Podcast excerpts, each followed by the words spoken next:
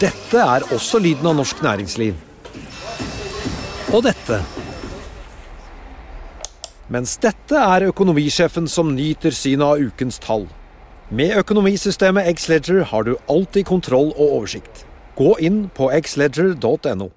Denne sendingen er sponset av Xledger. Bedriften står foran et utfordrende veivalg, eller kanskje en krevende omstillingsprosess. Og alle snur seg til deg, som leder. Hvem kan du snu deg til da?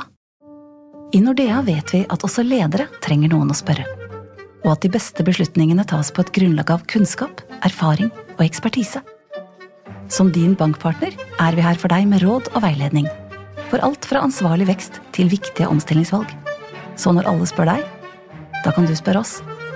Finn ut mer på nordea.no, din bankpartner.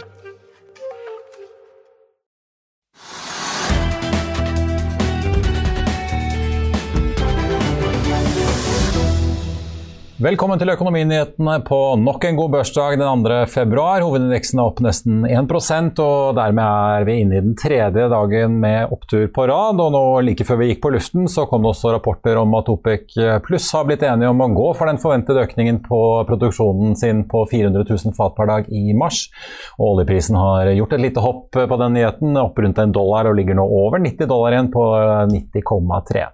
Etter oppgangen på Wall Street i går har vi fått en grønn start i de asiatiske markedene i dag, og det er også grønt rundt oss i Europa. Og det ser også ut til at vi får en grønn børsdag i USA når eh, børsene på Wall Street åpner om en times tid. Vi har en tettpakket sending for deg her i dag. Vi får besøk av investor Håvard Nesheim, og vi har også snakket med Telenor-sjef Sigve Brekke, men først skal vi se litt på andre store nyheter som preger markedet i dag. Neste onsdag er det kapitalmarkedsdag og kvartalsrapportslipp fra Equinor. og I forkant har selskapet sluppet analytikernes konsensusforventning. og En bit dere merke i tallene. 13,2 milliarder dollar, eller 117 milliarder kroner. Det er nemlig det forventede justerte resultatet som analytikerne har, og det er ny rekord med god margin. Til sammenligning så leverte selskapet 9,77 milliarder dollar i forrige kvartal, og vi må helt tilbake til ja, det vi kan kalle Klondyke-året 2012 for å finne noe som er i nærheten av de 117 milliardene som nå er ventet. Eh, produksjonen den er estimert å ligge på 2,12 millioner fat olje og gass per dag, litt opp fra samme kvartal året før. Og ikke helt overraskende så er det altså inntjeningen på norsk sokkel som virkelig tar kaken. Den er ventet å ende på 13,3 milliarder dollar, med et bidrag på snaue milliarden fra den internasjonale virksomheten. Og så er det jo dette da, dollarmilliardtapet, får vi si, på eh, trading- og raffineringsvirksomheten til eh, Equinor. Den ble jo varslet eh, i høst, og skyldes da at man gjør opp den gevinsten man hadde i høst med leveransene som nå har skjedd utover høsten og vinteren. Så kan vi også merke oss at uh, skatteregningen til Norge er anslått til rett under 10 milliarder dollar i kvartalet. Altså litt over 88 milliarder kroner. Equinor-aksjen er opp 1,5 i dag. Aker BP selger sin eierandel i teknologiselskapet til Kjell Inge Røkke Cognite på 7,4% for rundt en milliard kroner til saudi-arabiske Saudi Aramco. Dermed holder man seg til den verdsettelsen som Cognite fikk i fjor på 1,6 milliarder dollar, da fondet TCV kjøpte seg inn. Og Dermed ser det også ut til at Aker unngår et verdifall i Cognite, slik man har sett i resten av teknologisektoren de siste månedene. Hva Aker faktisk bokfører Cognite til, får vi se når de kommer med sitt regnskap 18.2. Aker BP sier at de også må komme tilbake til hvordan de har tenkt å bokføre gevinsten fra salget. Sparebank1 Markedsanalytiker Theodor Sveen Nilsen regner med at eh, det blir en gevinst på mellom 700 og 900 millioner kroner. Og så får vi også eh, ta med at Saudi Aramco er jo for øvrig også en av Cognites viktigste kunder om dagen. De har jo blitt tyret inn for å digitalisere energisektoren til kongedømmet. Aker BP er opp 0,85 i dag, Aker enda litt mer på 2,4% Oljeserviceselskapet Archer, der Jon Fredriksen er en stor aksjonær, er ned 7,5% etter at de kom med en kvartalsoppdatering, selv om bruttodriftsresultat er ventet å øke med 16% så melder Archer om at situasjonen i det argentinske markedet fortsatt er krevende.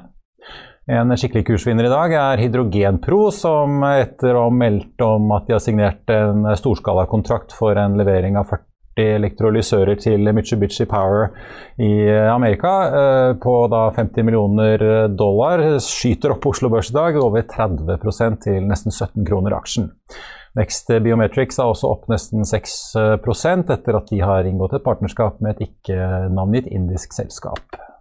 Før vi går videre i sendingen, husk at du også kan se sendingene våre ved å gå inn på fano-tv, og at vi også har andre podkaster enn bare Økonominyhetene, som Morgenkaffen, Gründerpodkasten Veien hit, Ukens vintips, Kunstpraten og bilpodkasten Mil etter mil. De finner du ved å søke Finansavisen, der du hører på podkast. Telenor slapp onsdag resultatene sine for fjerde kvartal, og selv om årets utbytte skal økes eh, noen prosent fra 9 til 9 kroner og 30 øre aksjen, så sendte markedet aksjen eh, ned litt over 5 i dag. Og dermed er det Telenor og XXL som drar hovedindeksen eh, mest ned. Pareto peker på at uh, Telegiganten leverte noe svakere inntekter og uh, bruttodriftsresultat enn ventet. Telenor jobber jo videre med å skille ut den såkalte tårnvirksomheten sin, som drifter massene de setter opp basestasjonene sine på. Det kan ende i et nedsalg, og det har jo konkurrenten Telia gjort. De har det siste året signert avtaler som gir dem nesten 13 milliarder kroner rett inn i kassen, og mye av det blir sendt rett videre som utbytte. Litt tidligere i dag snakket vi med konsernsjef Sigve Brekke om dette, fusjoner i Asia og samarbeidet med tech-gigantene Google, Amazon og Cisco. Konsernsjef Sigve Brekke i eh, Telenor, takk for at du er med oss fra, fra, Fornebu i eh, dag. Jeg tenkte Vi må begynne litt med fremdriften i Asia. Dere har jo veldig mange jern i ilden i, i, det som jo er den mest folkerike delen av eh, virksomheten deres. Fusjoner, la oss begynne med de da. Fusjonene i Malaysia og Thailand. Går de som planlagt og blir de gjennomført i år, begge to? Ja, Korte svar på det er ja. Eh, vi i, i Malaysia så er vi i full gang med å planlegge integrasjonsarbeidet. Eh, og eh, vi venter jo fortsatt på en regulatorisk godkjenning som, som tar litt tid. Det er en prosess, men det er ingen røde, røde flagg så langt, så vi, vi, håper at det skal gå. Så der vi er nå, så regner vi med at innen andre kvartal så skal vi ha har kunnet closet den, eh, og da vil begynne å opereres med et selskap. Samme i Thailand. Der er vi nå inne i en avsluttende due diligence. Før, som vil vare noen få uker til. og Da håper vi å signere avtalen, og så også en regulatorisk godkjenning der. Så det går som planlagt. Veldig mange følger jo med på det som har vært et ganske dramatisk år i Myanmar, hvor dere endte med å beslutte å selge til eh, libanesiske M1 eh, Group for en drøye 100 millioner dollar. Nå har det jo vært eh, rapporter i nyhetsbyråer den siste tiden om at det kanskje er en løsning på trappene hvor myndighetene kan gå med på salget. Hva kan du egentlig si nå om når et salg kan bli gjennomført, og hva dere egentlig vet om fremdriften? Ja, Vi vet ikke noe stort sett mer om det enn det du eh, også leser fra media. Eh, vi, eh, vi, annonserte jo salget i juli i fjor. Og så leverte vi da inn en søknad om regulatorisk godkjenning, som skulle vært godkjent for lenge siden, faktisk. For de hadde på en måte 60 dager på seg. Men det her drar ut i tid. Hvorfor det drar ut i tid, og hva de til slutt kommer med, det, det vet vi ikke helt. Så, så, akkurat nå sitter vi egentlig bare og venter, mens, og i mellomtida forsøker vi å operere så godt vi kan i landet. Men er det sånn at dere regner med at dette går gjennom i løpet av året, eller er det umulig å si? Nei, vi, vi trodde jo at vi skulle fått eh, et regulatorisk svar eh, i eh, andre halvdel i fjor. Så vi sitter og venter nå nesten dag for dag eller uke for uke. Så jeg håper inderlig at at vi får dette på plass så fort som mulig.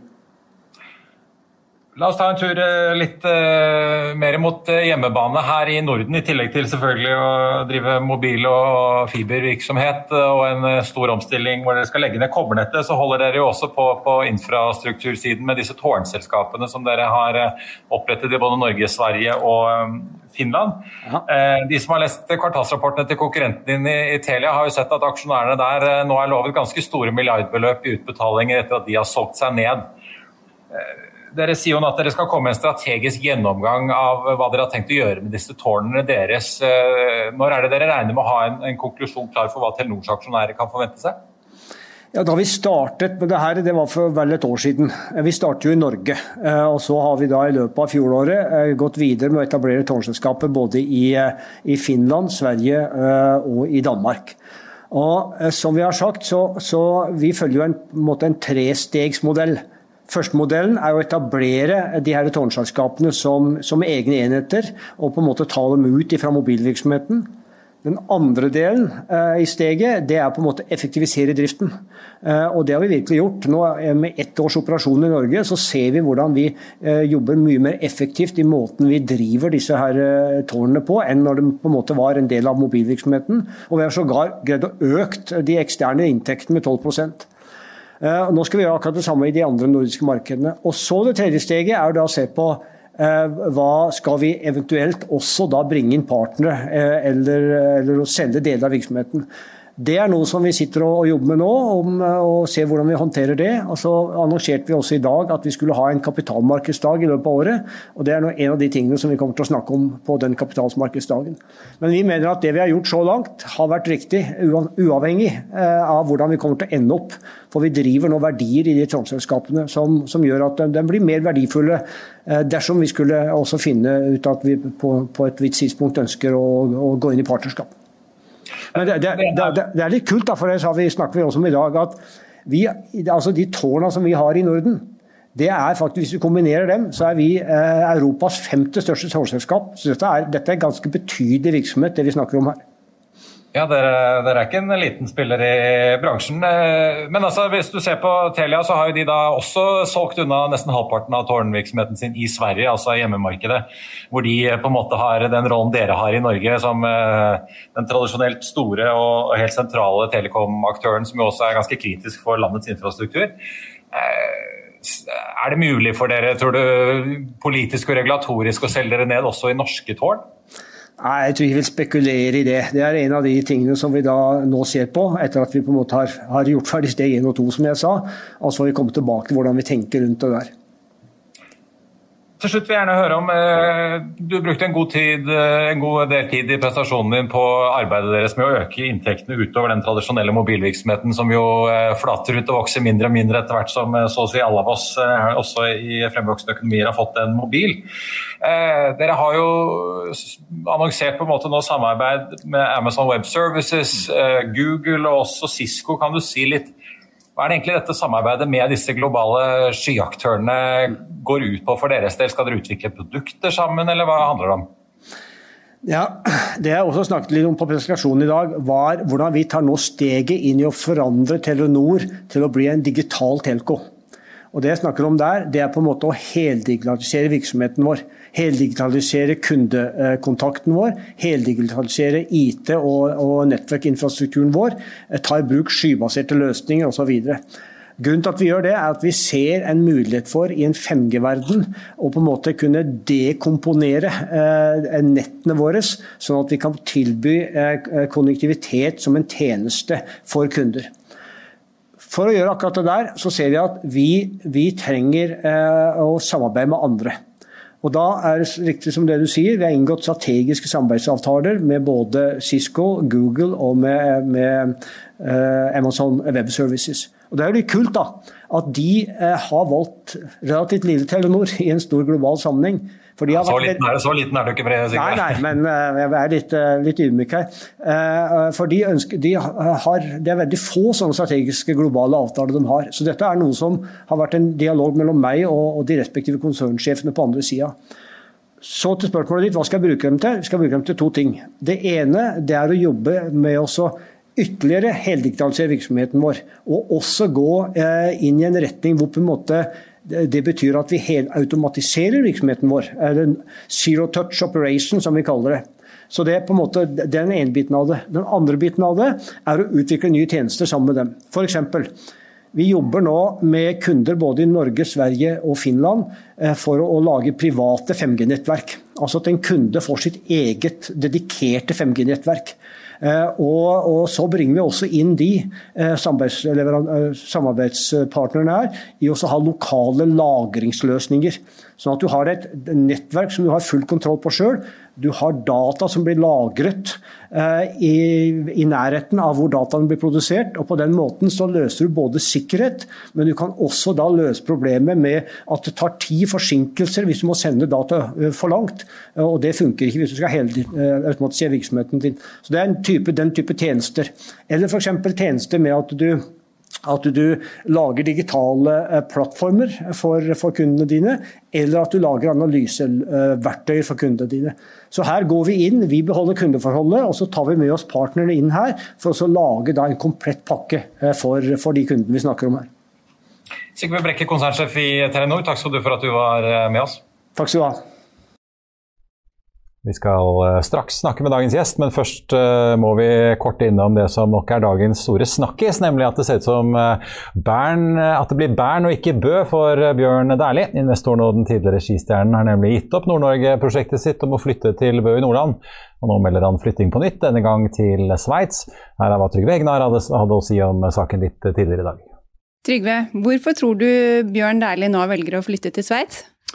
Ja, Han sier jo selv at han skal leve mer og jobbe mindre, og at Sveits er et godt utgangspunkt. Men jeg tror han flytter for å spare formuesskatt og skatt generelt. Hvor mye tror du han sparer på det? Ja, Det er vanskelig å si, da, men han flytter jo til Bø i Vesterålen også. Åpenbart for å spare skatt. Kjøpte et pent lite hus der, og så ble det ikke noe av. Og da kom det frem at han kanskje ville spare 3-4-5 millioner kroner i året, og det er penger det også. Riktig. Han er vel ikke den første nordmannen nå som uh, har flyttet til Sveits? Nei, altså i Sveits er det mange nordmenn som da har flyttet pga. skattemessige forhold, og kanskje også andre grunner. og Vi har jo Svein Støle som eier Pareto, og vi har en av døtrene til Steinek Hagen som bor i Zürich. Og de sparer selvfølgelig masse skatt på da å bo der nede. Men så er det også slik at det, man kan ikke bare flytte, ta med seg pengene i koffert og flytte. Man må skatte i Norge mange år etter at man har flyttet. Eh, så dette er en langsiktig prosess, og jeg forstår, forstår det er det veldig godt. Og det er dessverre slik, jeg tipper at masse press og andre vil kaste over han og si han er en fæl, stygg fyr. Men han har gjort masse for Norge, og han orker ikke betale så mye formuesskatt i året som han kommer til å få hvis han blir boende her, for han har også vært veldig flink i business. It's that time of the year. Your vacation is coming up. You can already hear the beach waves, feel the warm breeze, relax and think about work. You really, really want it all to work out while you're away. Monday.com gives you and the team that peace of mind. When all work is on one platform and everyone's in sync, things just flow wherever you are. Tap the banner to go to Monday.com.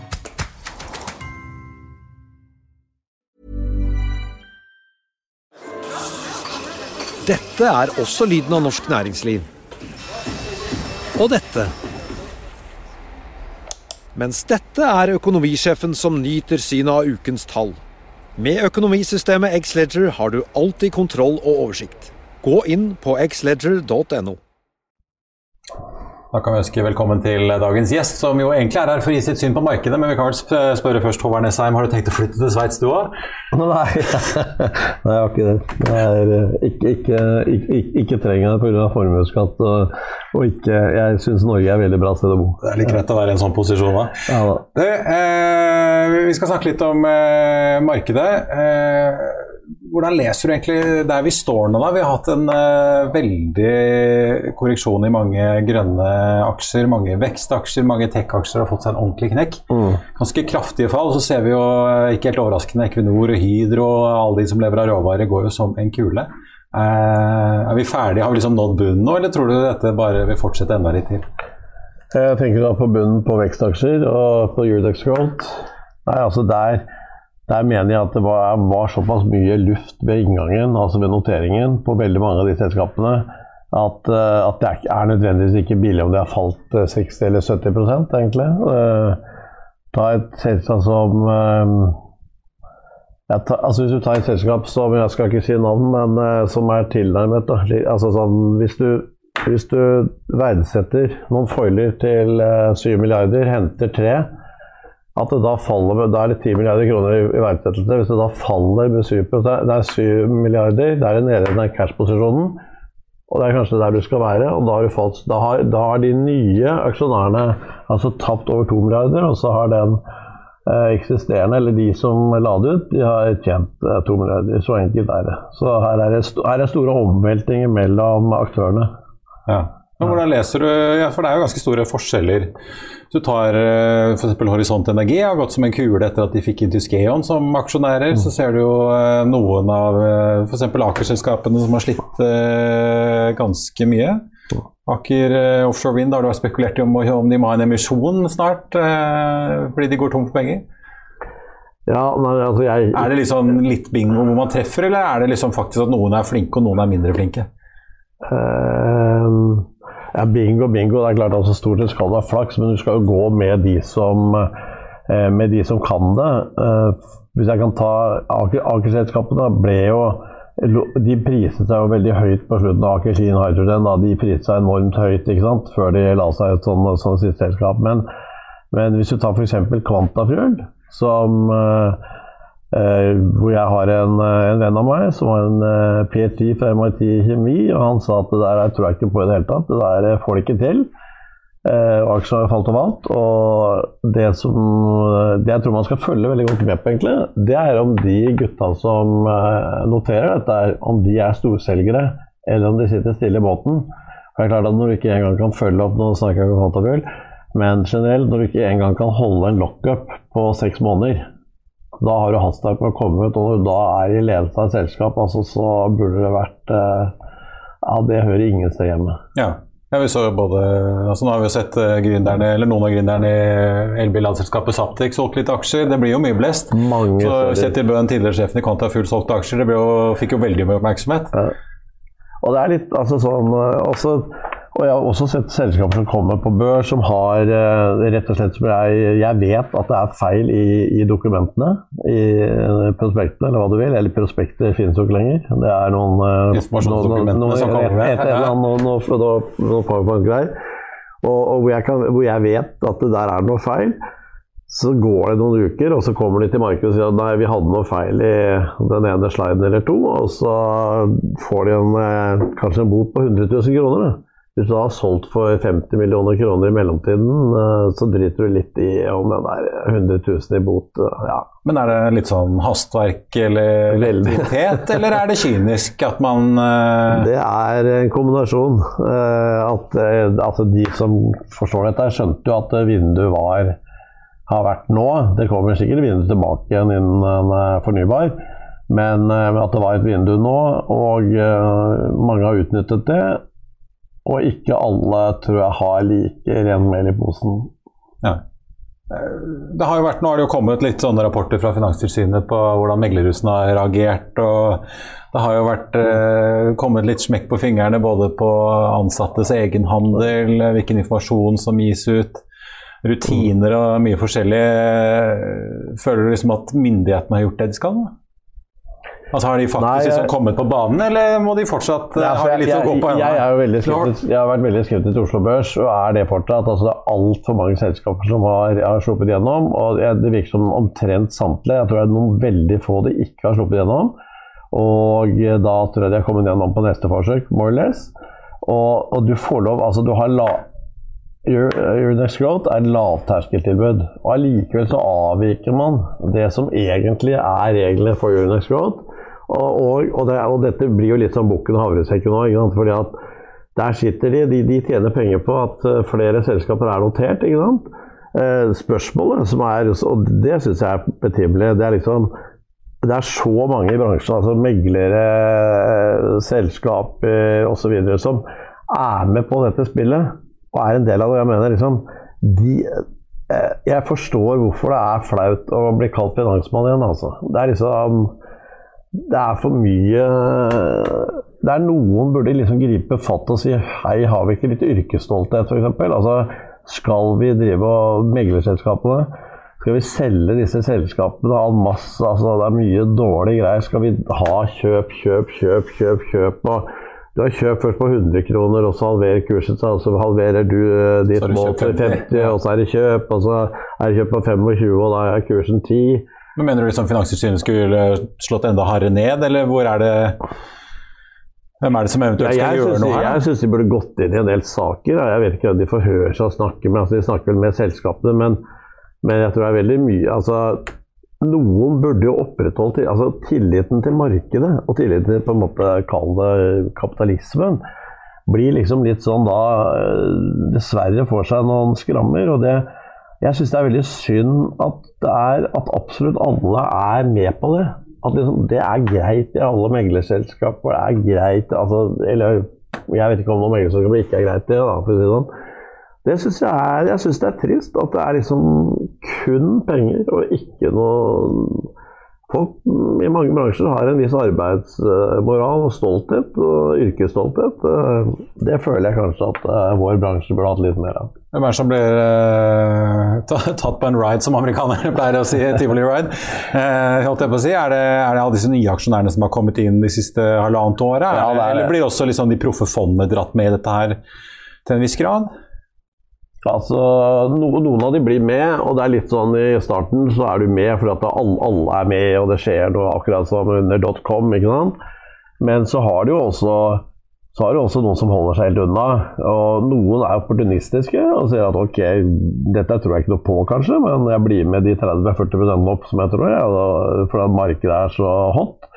Men eh, Eh, Så det er, jo, det er jo et spill, og så er det noen som sier kanskje at dette her er tull. eh, Dette blir vi ikke med på, så da holder vi oss unna. Og stort sett så, så er det den strategien som virker. Altså sånn, Jeg hadde mye ups and downs i løpet av mine perioder i markedet, men i .com så holdt vi oss full Vi eide f.eks. ikke i dette Orkla-fondet ikke én Opticom-aksje som den gang talte 5,4% i indeks til slutt. Og jeg ble skjelt ut hver dag av selgerne selvfølgelig da, på kontoret. Men når den tryna, eller alt tryna, da var det ikke mange som kom innom døra og pratet. Så da, da, sånn at du liksom Du får ikke noe kjeft for å være med, egentlig, men eh, det er litt få rette rygger der ute, syns jeg. Men vi, kan vi få liksom Håvards tre tips til eh, nye investorer for hva er det man skal se etter for å unngå å bli lurt, liksom? Nummer én Hvis du ser, finner en aksje du er litt interessert i? Nei, men altså, Tenker du på nye aksjer? Eller altså Ja, de nye? altså, hvis du liksom sitter og ser, Yara, så ser du Vi tenker ikke Yara, vi tenker Nei, Yara vet jo hva jeg driver med, det kan jo Ja, ja, gå opp og ned. Men, men hvis det kommer, det Growth, altså kommer noe nytt du ikke kjenner til. Eh, Det aller første jeg ville sett på, det var hvor mye grunnleggerne, eller gründerne, da, hvor mye de realiserer. Hvis de selger kraftig, så er det et veldig, veldig dårlig tegn, uh, syns jeg. Så bør man jo liksom eh, Eller bør man jo egentlig forhøre seg litt Problemet er at du har ikke noe sted hvor du kan få noe god informasjon. Fordi at alle som jobber med selskapet, de, er, de tjener på De har sin agenda, liksom, De har ja. sin agenda. Sånn at det, er, det hjelper ikke sånn at det er vanskelig å skaffe deg en sånn eh, informasjon som du egentlig trenger. Og eh, det for å bli listet på Euronext Growth f.eks., så skal du faktisk legge frem eh, nok dokumentasjon til at det er mulig å gjøre en verdivurdering av et selskap. Og det skjer overhodet ikke for mange av de selskapene. Så er det glem det. Jeg, altså, jeg har drevet med dette i 40 år, jeg skal ikke si jeg er verdensmester, men, men jeg, kan ikke, jeg ikke verdivurdere de selskapene på det de kommer med av informasjon. altså. Hvor er det du går hen, da? Hvis du skal se på noe altså. Nei, det er, altså, det er jo masse bra selskaper. altså sånn det Ja, jeg tenkte, hvor er det du da Hvor, hvor jeg, altså, Nei, nei, hvor, hvor er det du liksom søker opp hvis du har sett et selskap, da, så er du litt usikker på Og så unngår du å høre på, på megleren som skal selge det inn, men Ja, det, eh, er, det er ganske krevende å liksom sette seg inn i karbonfangst, ikke sant. ja, altså, hele Ser du liksom på hydrogen, konkurrenter eller noe sånt? aluminium. eller? Ja. Nei, hold meg unna. Ja. Hold meg unna. Men vi må, vi må snakke litt om eh, det som kan gå bra, da. Hva er det du, har- troen på? da? Vi har jo eh, Vi snakker litt om det. Råvarer, eh, aluminium, olje og gass, eh, og selvfølgelig da strøm, strømprodusenter. Det er ikke så mange av de på børs, men de går jo som en kule. Eh, Så der har vi jo liksom en stor opptur. Mange av disse tech-selskapene har fått seg en eh, korreks. Mm. Ja, så Er- synes- Ser du liksom noen som har falt veldig mye som du har troen på, eller hvordan ja, altså jeg, nå, nå, nå er det veldig mange som sier at jeg er så pessimistisk, da, men, men jeg tror kanskje heller at den der utjevningen mellom verdi og vekst Vi ser at vekstaksjer kommer en del ned, for det har vært ekstremt høy priser. Og vi ser jo nå når de rapporterer dårlige tall, så altså, eller de som rapporterer dårlig, de får seg en ordentlig smekk. ikke sant? Og så prises Jeg syns ikke verdiaksjer nødvendigvis nå prises så lavt. For at tar vi selskapet som Norsk Hydro, da, som skal tjene altså, handles nå kanskje på 10-12-gangeren earnings. Og nesten doblet seg siste året. Og doblet seg siste året. Og aluminiumsprisen fra ligget de siste 10-20 årene 1700-1800 dollar, der, nå til 3000 dollar. Altså, og, og det samme med oljeaksjene. Altså sånn eh, du er ikke villig altså jeg, jeg, jeg vil helst kjøpe når, når oljeprisen er lav, ja, for, for å si det sånn. Og gassprisen ikke er all time high. Du kjøper ikke Equinor på 2,50 Nei, i dag? jeg, jeg gjør ikke det. altså. Jeg gjør ikke det. Men, eh, og, og det kan godt hende at den kan gå Absolutt, selvfølgelig kan den gå videre, men jeg tror over tid altså Oljeprisen tror jeg, jeg, jeg tror den kommer ned igjen. Jeg tror, jeg tror råvarepriser generelt kommer ned igjen. Nå har det vært veldig spesielle, mange veldig spesielle forhold. Når det er oljemarkedet, så har vi jo trukket på gasslag. Vi er- Det er litt usikkerhet rundt eh, rundt egentlig hva produksjonsmulighetene er i verden. Men eh, så har vi også sett at, eh, at man har trukket på strategiske lagre, f.eks. Uh, den type ting har gjort at Eller for å rett og slett for å forhindre at åpenheten går helt til været. Så, så det kan Jeg er litt usikker på Nå, nå, nå sa du i sted at uh, OPEC var uh, gått med på nye seg på 400 000 laden sin, ja. Det hadde kanskje vært ønskelig om de kom med litt mer, altså. Det, ja. Jeg så jo bl.a. Arctic var ute og, og med en sånn eh, Ja. Om at det, at det kunne skje, men, eh, men, eh, men det skjedde vel ikke. Da får vi se hva som skjer. Men eh, ja, ok, litt overpriste eh, råvareaksjer og tech-aksjer som fortsatt har litt å falle. Hva er det som er igjen da? Nei, altså sånn som eh, hvis du kan, altså, Europris har vært med en av mine aksjer i lang tid. Alt mulig? Ja. Alt mulig og det er veldig rart, for det er jo tilbake til 1930-tallet. Det var da, da hadde du alt mulig i. Men det jeg liker med sånn som Europris forhold til XXL, da, hvis du tar de to selskapene, det er at når det kommer til XXL De har hatt et, de har en eller annen, et tilbud på noen sko, i hvert fall sånn som jeg har kommet. Og da har de, altså når du kommer dit, så har de størrelser under 38 og over 45. Oi, der er ikke jeg, da. ikke sant? Mens i, i Europe så sier de vi skal ha fullt alle som vil, skal få kjøpe Altså vi skal ha nok til alle når vi selv skal selge noe. Så liker jeg Eller jeg tror på Norske sko, egentlig. Det de gjør nå med å endre fra papir til bølgepapp. Emballasjesatsingen, rett og slett. Ja, ja, ja. Og også noe grønt med Cirka. Altså Cirka jeg kan ikke det godt nok, men det, det, det ser ganske Det er i hvert fall stramme marked, stram marked på bølgepapp. Og så øh, Så Storebrand er jo Altså, jeg tror på Storebrand. Det Problemet med nå er at jeg, jeg tror vi kan få litt ruglete marked, og da vil solvensgraden til Storebrand falle, falle noe, og det er veldig avhengig av solvensgraden for å kunne gi de utbyttene det skal, og da får du litt mer uro igjen. Men på sikt så tror jeg Storebrand er fortsatt, fortsatt bra.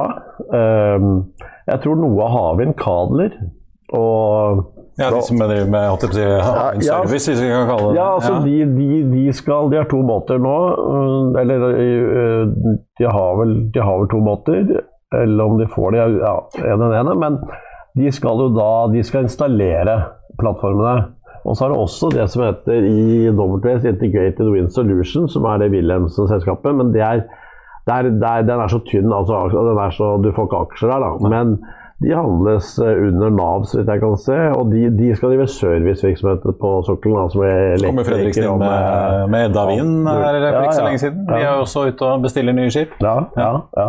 Så det, det, det kan være spennende. Også hvis du ser nå på politikerne i forbindelse med kraftkrisen vi har nå, så er jo havvind veldig aktuelt. Altså, det, det presser jeg frem hele tiden. Så jeg kan eh, eh, Frontline har jeg også kjøpt noe i, og det var eh, so far Bunnfisk i tank, ja. Nei, nei, vet du hva, jeg, jeg, jeg kjøpte bra, og så gikk den i 80 eller noe når jeg var veldig fornøyd, og så stupte den igjen i, under 60. Og så, så nå har jeg, nå har jeg et lite tap på det, men, eh, men Frontline tror jeg ikke være altså, Når shipping først tar av, så, så blir det så bra, liksom. Så, så der, der vil jeg sitte. Men jeg vil ikke, alt, jeg vil ikke putte alle pengene mine i det. Så det har vært en del som har puttet alle pengene sine i Frontline. Det, det, det gjør ikke jeg. Jeg er ikke der. Nei, Trygve snakket jo i går om at er nesten, raten er jo nesten i null, så det kan vel lette Ja, bli ja, noe nei, særlig sant. det er helt uh, forferdelig. Og Alenius Wilhelmsen kan være veldig spennende når det åpner igjen for logistikk. altså Når det liksom begynner å få normalitet i, i, um, i handel igjen, da, i varehandel.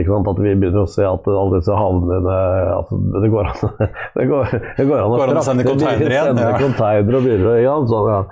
Det kan være absolutt spennende, men noen av de aksjene, som den norske skog og Valenius, de har gått en del på slutten, eller den siste tiden. da. Så jeg ville kanskje Jeg vil ikke løpe etter noen av disse aksjene nå. Jeg, det er ikke noe sånn jeg, tror- jeg tror ikke folk har noe hastverk. Nei. Nei. Sitter litt på gjerdet. Håvard Nesheim, eh, investor, tusen takk for at du kom innom oss. Takk for det. Og så får vi ta med også at eh, i dag bekrefter Finansdepartementet at eh, de kommer til å utnevne neste sentralbanksjefen på fredag. Og da blir det jo sannsynligvis da, som alle forventer, ser det ut til, at eh, det enten blir visesentralbanksjef Ida Wolden Bakke eller Natos generalsekretær Jens Stoltenberg som da går opp på podiet sammen med finansminister Trygve Slagsvold Vedum, får vi da anta, hvis, hvis det i så fall da blir Stoltenberg, om han da kommer seg hjem fra Brussel. Fra en titt på markedet akkurat nå, hovedindeksen er opp 0,8 Telenor Telenor er den mest omsatte aksjen i dag, men sliter med en nedgang på 5,5% Ellers er det bare grønt på listen over de mest omsatte aksjene, og vi må helt eh, langt ned på listen før vi finner DNB som er ned 0,3 Ellers er eh, Aker eh, BP opp 0,5 og Aker opp 1,94 etter salget Aker BP gjorde i Cognite til Saudi Aramco. I Finansavisen i eh, morgen kan du lese Trygve Hegnars leder om skandaler på Stortinget. Du kan lese om Folketrygdfondet som kjøper seg opp i Pexip. Og du kan lese børsintervju med Thomas Johansen i Sparebanken Møre og mye, mye mer. Det var det vi hadde i dag. Vi er tilbake i morgen klokken 14.30. I mellomtiden får du som alltid siste nytt på FA.no. Mitt navn er eh, Marius Lorentzen. Takk for at du så på, og så håper jeg vi ses igjen i morgen.